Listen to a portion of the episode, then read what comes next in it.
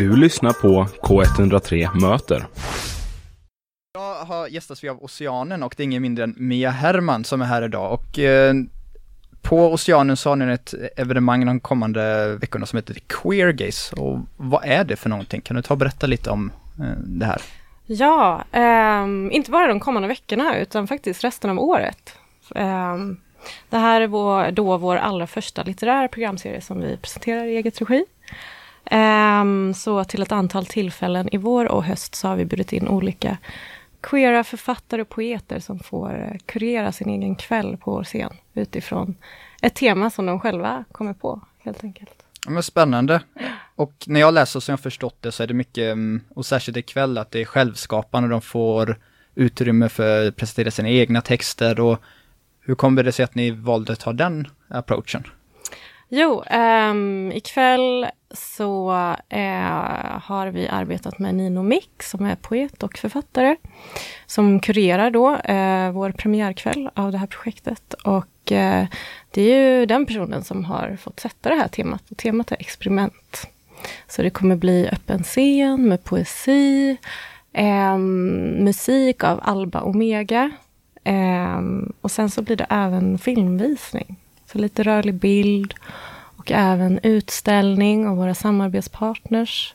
Vi eh, samarbetar med Kurab, Queerrörelsens arkiv och bibliotek och eh, SACMI, eh, The Swedish Archive for Queer Moving Images. Precis.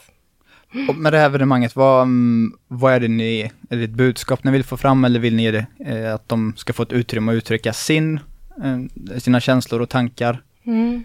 Ja, men självklart så är det ju viktigt att eh, arbeta med inkludering och att allas, eh, allas rättighet att synas och höras och delta i kulturlivet. Men eh, det är också ett jävligt fett program.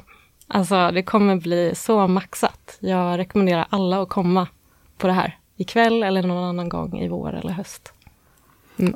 Och det är text, de här texterna man kan ha med sig, ska det handla om något specifikt tema eller kan det vara i princip vad som helst? Det kan vara vad som helst, så kom och testa liksom. Det, tanken är väl liksom att det, det blir någon slags verk som skapas just där och då.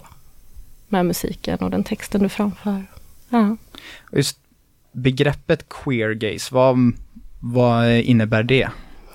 Ja, alltså det anspelar ju på det här begreppet som myntades av Lara Mulvey för att beskriva den blick som betraktar eh, kvinnor som objekt för heterosexuella mäns njutning. Eh, så ja, Lara Mulvey höll på med feministisk filmteori. Så, ehm, men sen så kom då The Female Gaze och sen så nu eh, har vi det här programmet som vi kallar för The Queer Gaze. Och det handlar om att centrera queera personers kultur och konstuttryck helt enkelt. Det är en liten spin på det. Ah. Mm. Och när jag läste så var det att det fanns det här med um, eh, tvärkonstnärlig kollision. Mm. Ah, vilket bra ord. ja, men precis. Ja, men text och musik som möts och även film. Alltså, det kan ju vara allt möjligt. Vi får ju se vad våra mm, författare hittar på, tänker jag.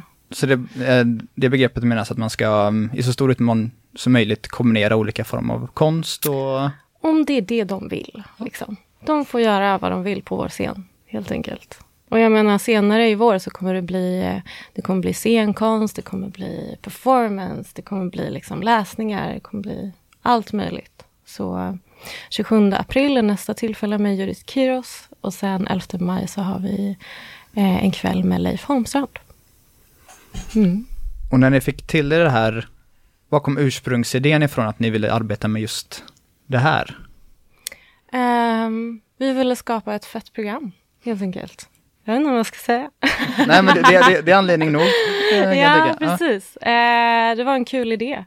Mm. Uh, och vi ville ta det vidare. Och nu är vi här. Känns jätteroligt. Uh, men självklart finns det också en tanke. Alltså, vi har ju framförallt på Oceanen arbetat med musik som konstform. Och det här är ju ett försök att bredda det också. Mm. Samtidigt som vi gör något kul.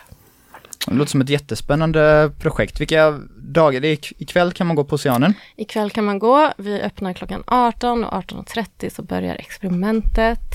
Och sen så har vi ett tillfälle den 27 april och sen den 11 maj. Och sen så blir det ett program i höst också. Men uh, det kan vi inte riktigt gå ut med än. Vi får hålla utkik.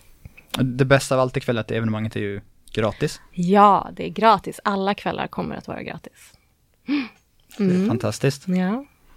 Och jag tänker om du kan också alltså, ta och berätta lite om eh, oceanen generellt. Ja, absolut. Vad, eh, alltså, vad är ert arbete och vad är alltså, mål med era evenemang och liknande? Ja. Alltså det som många kanske inte vet om Oceanen är ju att vi är inte bara en scen och eh, restaurang, utan vi är ju ett kulturhus. Eh, ett eh, medlemsdrivet kulturhus, ett självförvaltat kulturhus.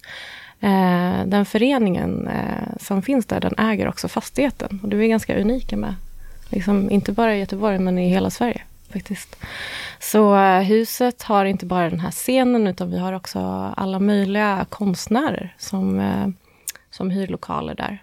Eh, så vi, vi fungerar ju som en plats för det fria kulturlivet i Göteborg, att eh, frodas och få skapa kultur på sina egna villkor. Mm. Och hur, alltså, jag tänker till exempel efter pandemin och allt liknande, hur det har gått med att driva Kulturhuset. Mm. Ja, men det, det är klart att det har varit kämpigt. Det tror jag att det har varit för de eh, flesta som sysslar med musik eller kultur på något sätt.